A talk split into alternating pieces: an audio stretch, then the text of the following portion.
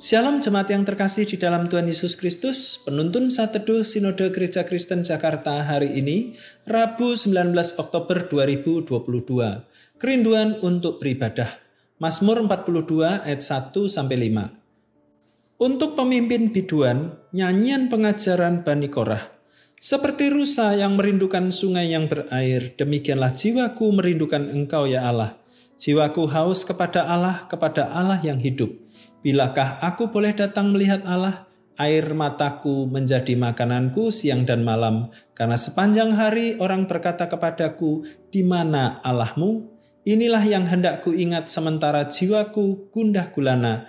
Bagaimana aku berjalan maju dalam kepadatan manusia, mendahului mereka melangkah ke rumah Allah dengan suara sorak-sorai dan nyanyian syukur dalam keramaian orang-orang yang mengadakan perayaan. Kapan terakhir kali Anda merindukan untuk beribadah di gereja? Mungkin Anda sulit menjawabnya, karena kita sangat mudah untuk beribadah. Mudah ke gereja kapan pun kita mau. Akan tetapi seorang jemaat pernah bercerita kepada saya saat ia bekerja di Taiwan. Ia tidak bisa pergi ke gereja seperti yang biasa ia lakukan saat ia masih di Indonesia. Ia ingin sekali beribadah tetapi kondisinya tidak memungkinkan. Ia harus bekerja merawat orang yang lanjut usia. Ia juga tidak mendapat izin untuk pergi ke gereja, pun bila ia akan ke gereja jaraknya sangat jauh dari tempatnya bekerja. Tidak jarang ia meneteskan air mata bila mengingat setiap hari Minggu beribadah di gereja ketika masih di Indonesia.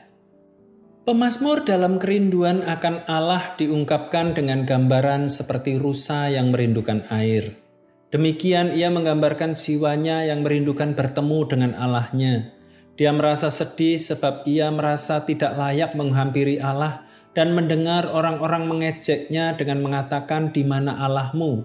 Namun ia mengingat betapa indahnya melangkah ke rumah Tuhan diiringi sorak-sorai dan lagu pujian.